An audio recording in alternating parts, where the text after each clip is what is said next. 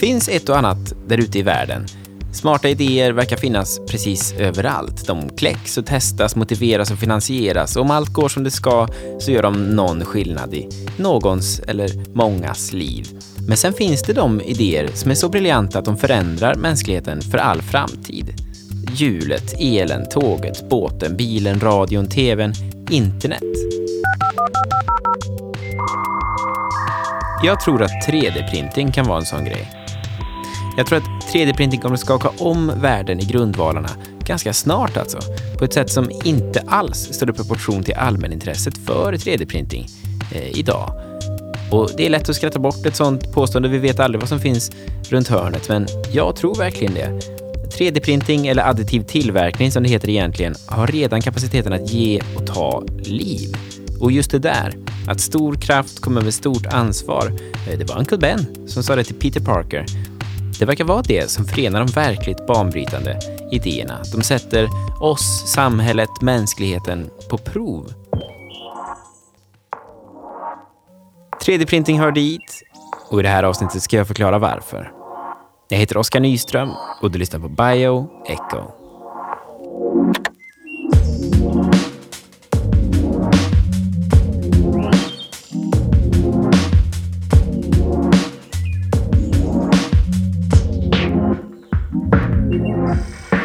Börjar i Sysslebäck i norra Värmland. Här, i en liten fabrikslokal slash workshop, bygger Pelle Stavshede kajaker under varumärket Melker Kayaks. Jag startade Melker Kayaks med eh, visionen om att göra de absolut vackraste kajakerna man överhuvudtaget kan eh, bygga och köpa. Eh, samtidigt som de skulle vara så miljömässigt riktiga som eh, man bara kan göra utan att förlora egenskaper. Så det var de två viktigaste hörnstenarna riktigt jäkla snyggt och riktigt jäkla hållbart miljömässigt. För att ta sig dit bestämde sig Pelle och hans team för att prototypa och testa sina kajaker med hjälp av 3D-printing. Och när du tänker 3D-printing så tänker du säkert på vanliga 3D-skrivare. Men där får du tänka om, för just den här 3D-printern sitter på en gigantisk robotarm. Tänk löpande band och bilmontering alltså. Och tack vare robotarmen kan Pelle printa ut grejer i ett stycke som är upp till 6 meter höga. Eh, istället för att använda sig av den plast också, som de flesta kanske associerar med 3D-printing, så valde Melker Kajaks att använda sig av träfibrer. Det går till så här. Jo, eh, det börjar ju någonstans eh, med en fiber. Och den eh, fibern vi använder det är ju sågspån. Så från ett sågverk där man kapar ner virke så blir det ett spill som då är sågspån. Vi tar sågspånet och torkar det, för det är väldigt mycket vatten i det. Sen blandar vi det med en stärkelse som i det här fallet är majsstärkelse. Knådar ihop det till en, en lång korv som vi sedan hackar ner till pellets som vi kan föda en jättestor 3D-skrivare med. Vi matar den här 3D-skrivaren med en eh, ritning på en kajak, eh, anpassar den här ritningen utifrån hur personen ser ut, hur lång personen är, hur mycket den väger. Eh, och sen kan vi då skriva ut den här kajaken i ett stycke eh, där personen eh, efteråt får en kajak som är helt anpassad i ett eh, material som är helt återvinningsbart. Då. Och skulle inte kajaken bli så bra som, som personen hade tänkt sig rent anpassningsmässigt så kan vi då återvinna den och skriva ut den på nytt. Jag har varit där och tittat och det är verkligen oändligt fascinerande att se. Konceptet återvinning blir så otroligt konkret.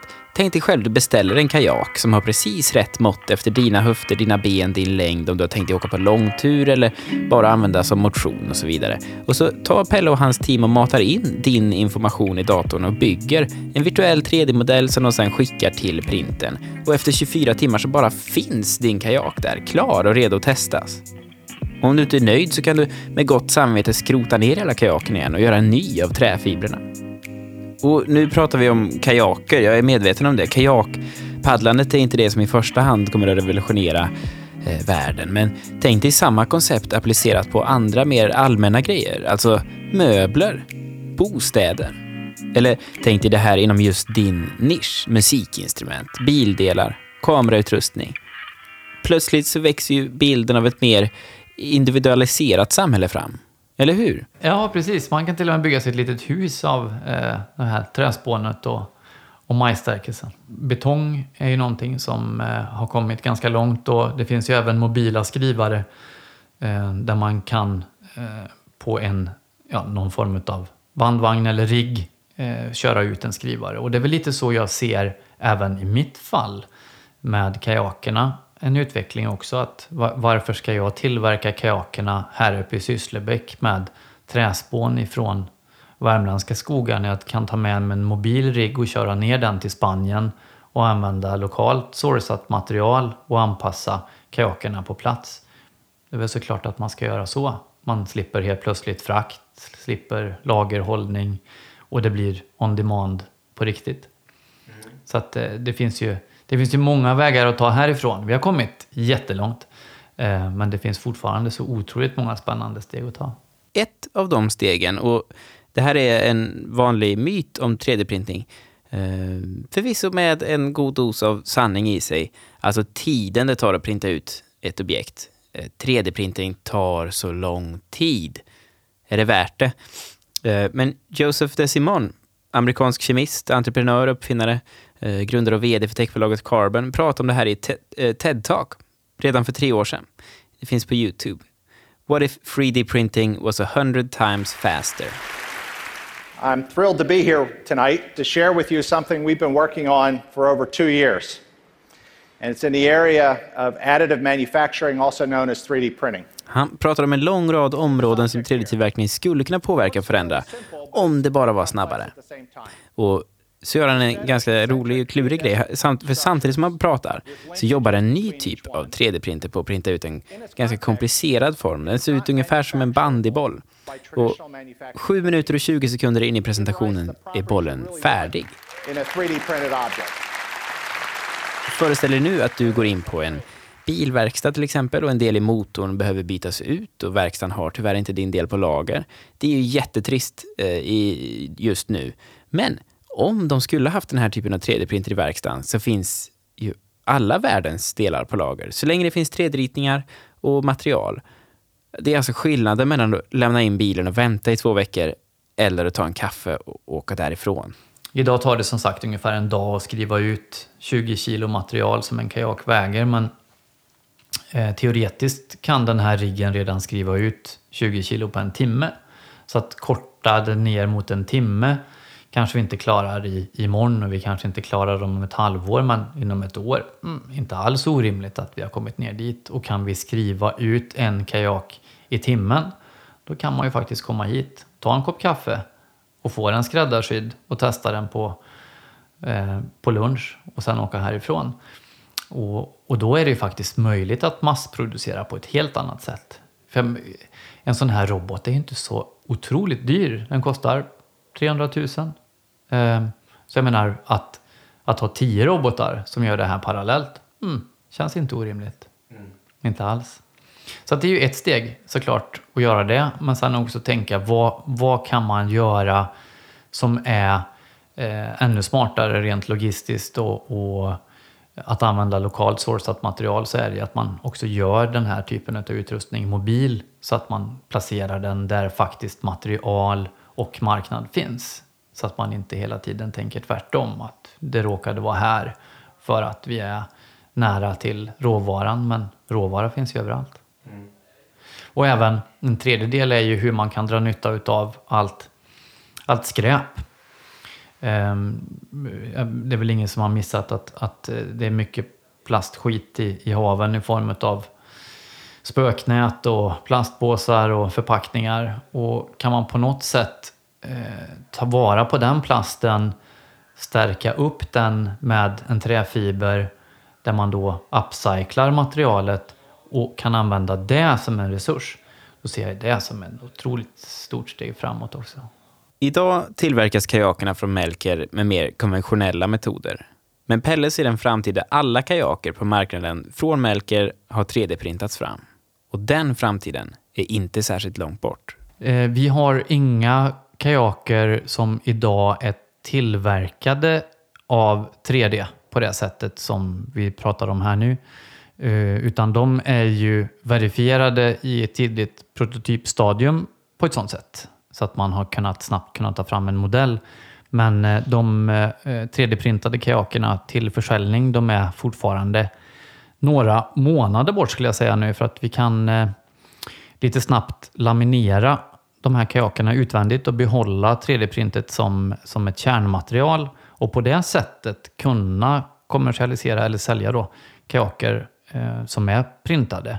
Men eh, eh, som, som visionen är att man direkt ifrån att den är utprintad och färdig i maskinen kastar den i vattnet och paddla. Eh, det är ju en liten bit kvar då, både på materialsidan och processsidan. Eh, men inte jättelångt bort. Nej, du pratar månader. Mm, ja, innan man kan ha den färdig för, för att, att testa laminerad. Absolut. Absolut. Mm. Men om fem år då, var är vi då? Oj. Uh, Rent fem... kajakmässigt. Ja, precis. Om fem år då, uh, jag har svårt att tro att uh, jag, ja men för, för, att svara på frågan ifall du går ut och hittar en Melker-kajak. Kanske ska vänta tills. Mm. Oh, det gick fort. Jo, för att, för att svara på frågan eh, vart jag är om fem år så då tror jag att vi är tillbaka där. Eh, ifall du skulle gå till en återförsäljare, vilken som helst, utav Melker kajaker så är det bara 3D-printade kajaker som, eh, som man köper från Melker. Och ifall den då är tillverkad eh, på plats i Spanien eller i Italien eller ifall den är tillverkad här i Sysslebäck och skickad dit. Det är väl det som kanske är den stora frågan egentligen. Och om jag får tänka lite visionärt så då tror jag absolut att den där är tillverkad av, av en maskin som står där lokalt snarare än att det är någonting som tillverkas här uppe. Så att vi har snarare sett till att både process och material gör det möjligt att, att tillverka det lokalt.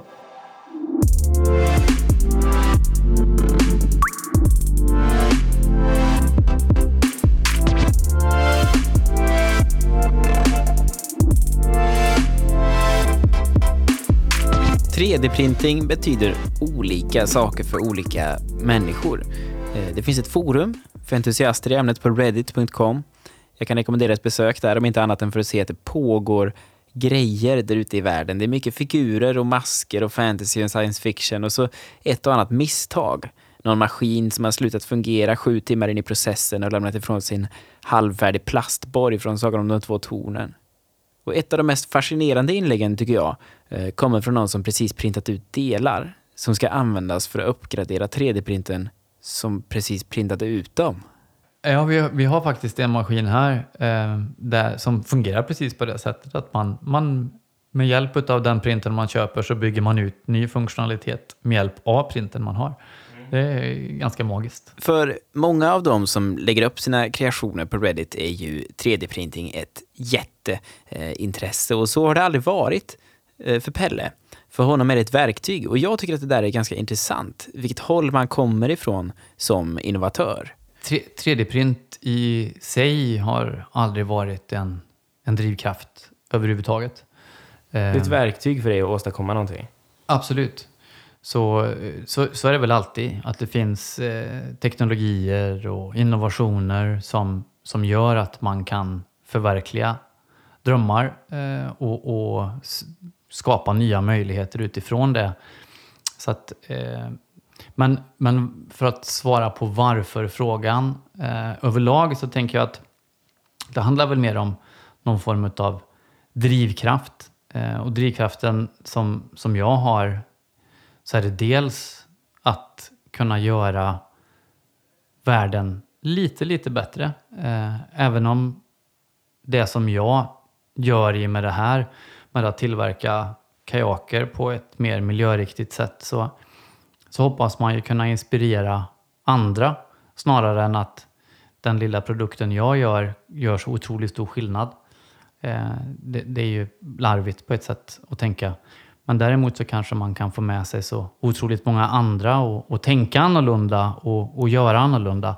Så det är ju en stor drivkraft. Eh, och Och kan... stannar vi den bara, så har det, ju, det har ju funkat ganska bra också. Du har ju haft Volvo här menar jag och det, det är väl flera jo, som precis. kommer på besök? Absolut. Eh, vi, vi, vi, har ju fått ganska mycket uppmärksamhet eh, kring både teknologi och, och, och tänket och, och personaliseringsmöjligheterna. Så att ja, det är såklart att det är jätteroligt att Volvo kommer hit och, och uppskattar det. Och med, med, den typen av spridning så kan man ju påverka på ett, på ett mycket, mycket större sätt. Absolut. Eh, så det är väl den ena delen i, i, i varför. Och den andra delen i varför är också att kan man, kan man kombinera att göra någonting som får världen att bli lite, lite bättre, lite, lite smartare samtidigt som man har väldigt roligt på vägen så tycker jag att man har kommit väldigt långt. Om du är lite som jag så har du säkert haft ganska dålig koll på 3D-printing fram till nu. Eh, så känns det för mig i alla fall, som att 3D-printing har flugit under radarn. Men ju mer jag har läst på inför det här avsnittet, desto mer eh, övertygad blir jag om att tekniken kommer att ha allvarlig påverkan på både dig och mig. Och det är mest bra saker såklart. Eh, vissa har fått vitala organ ersatta med hjälp av 3D-printing och proteser och nya tänder och sådär. Men jag läser också en del elände. Eh, ett företag i USA, Defense Distributed, har väckt stor uppmärksamhet efter att ha erbjudit ritningar för skjutvapen eh, gratis. Alltså har du en 3D-printer, en vanlig 3D-printer hemma så kan du utan problem skriva ut en pistol som ingen vet att du har. Det finns ingen serienummer, ingen licens. Eh, nyhetsmedia i USA kallar dem för Ghost Guns. Så varför pratar vi inte mer om 3D-printing? Ja, men jag tror att eh, det är väl som med många nya teknologier så tar det lång tid innan eh, den liksom, stora publiken tar det till sig. Men i, i det här fallet så handlar det ju Eh, kanske också om att man är lite svårt att fatta hur man kan printa mänsklig vävnad till exempel eh, för att skriva ut en hjärtklaff som är anpassad precis efter dig. Eh, och, det är ju nästan svårt att förstå utan 3D hur man kan överhuvudtaget ersätta ett organ med någonting konstgjort. Men, men den andra delen är ju också hur, hur man kan tänka sig att Eh, man kan skriva så oerhört stort. Jag menar, eh, får man googla lite grann på 3D print house så finns det en uppsjö videos eh, på, på Youtube och liknande där man faktiskt kan se hur man printar ut färdiga hus av betong med den här teknologin redan idag. Och då kan man ju tänka sig, ja men tänk dig den här Eriksbergs eh, kranen i, i eh, Götlaborg. Eh, att den skulle vara en gigantisk 3D-printer egentligen. Och att den då kan skriva ut hela hus. Ja men då, eh, då kan man lite, kanske lite lättare ta till sig att eh, det här kommer nog bli en teknologi som kommer vara ganska viktig i framtiden. Eh, även storleksmässigt. Jag är nyfiken på vad 3D-printing kommer att innebära för mig. Kommer jag att bo i ett 3D-printat hus i framtiden? Pelle berättar att tekniken gör det möjligt att dra hål för avlopp och el redan från start. Och det känns nästan självklart att byggbolag kommer erbjuda färdiga ritningar där jag kan välja vilket hus som kommer se snyggt ut på just min tomt. Det kanske inte ens är orimligt att tänka att jag kommer kunna bygga mitt eget hus i datorn, som i The Sims ungefär. Det underlättar ju så otroligt mycket vid nyproduktion överlag. Och får man då tänker sig eh, vid klimatkatastrofer eller krigssituationer att man snabbt behöver bygga upp temporära, mer ordentliga bostäder. Att man då kör dit ett gäng med eh, 3D-printers och under en, några dagar bygger upp ett helt istället för att ha ett tältläger, bygger ut faktiska bostäder så ser man ju otroliga möjligheter liksom, även för simplare byggnader. Så det behöver ju inte vara för att det ska vara designmässigt rundat eller tokigt, liksom, utan det finns ju även eh, use case med eh, humanitära katastrofer som gör att det blir oerhört intressant. Så, så storleksmässigt där då tycker jag att det, det är ju helt magiskt såklart fortfarande. Det forskas också en hel del på artificiella organ och det kan jag tala om är spännande läsning. Eh, man har bland annat kommit långt inom transplantation av hjärta, njure och lever där man printar ut som en finurlig gel. Och gelen är egentligen bara där för att fungera som en form som man sedan täcker med levande celler. Och efter det så kan man ta bort själva gelen och kvar har vi bara eh, ett organ som är gjort av celler som passar just mig eller dig. Och tänk om det är just 3D-printing som en vacker dag räddar livet på oss, på operationsbordet. Den typen av eh, organ är ju anpassade precis utifrån eh, hur ditt hjärta och din hjärtklaff ser ut och fungerar. Så att, att man kan, kan först se det då med någon form av röntgen eller liknande för att sen återskapa det med en 3D-printer och sen operera in det. Det, det, det är ju fortfarande magiskt. Hur ser framtiden ut för eh, 3D-printing, tror du? Vad kan vi vänta oss om realistiskt om tio år? Oj, tio år. Tio år är ju jättelångt bort. Um, det är inte riktigt det heller. Tio går väldigt fort ju. Jo, det gör ju det. Uh, men jag tror att det kommer, det kommer hända så otroligt mycket på, på ganska kort tid med 3D-print. Så jag tror att man kommer få se, ja men just det här att man faktiskt i mer eller mindre, inte varje hörn kanske, men i, i varje större stad så kommer det definitivt finnas möjligheten att eh, kunna skriva ut eh, prylar i olika typer av material. Eh, likt reservdelar till en diskmaskin eller en bil eller något annat. Det tror jag är, är väldigt nära. Eh, och ser man det så pass nära så tror jag inte heller att det storskaliga är jättelångt bort. Och att man då kan eh, anpassa eh, ja, möbler kanske för, för hemmabruk.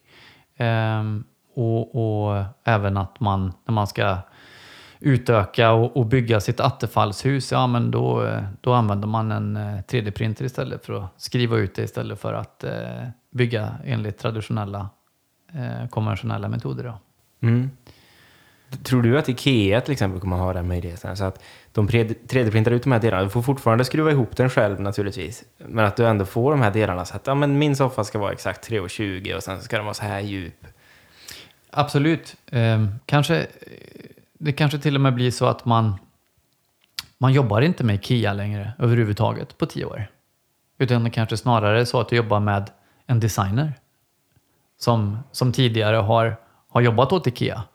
Och det är designen som får i uppdrag att göra det här och sen printar man ut det hos ja, vem som helst egentligen som har möjligheten. Så att jag tror att man kommer korta väldigt många steg eh, i hela kedjan så att det blir snarare eh, skaparen eller innovatören eller designen som man i mycket eh, större utsträckning kommer att jobba tajtare med, även som konsument.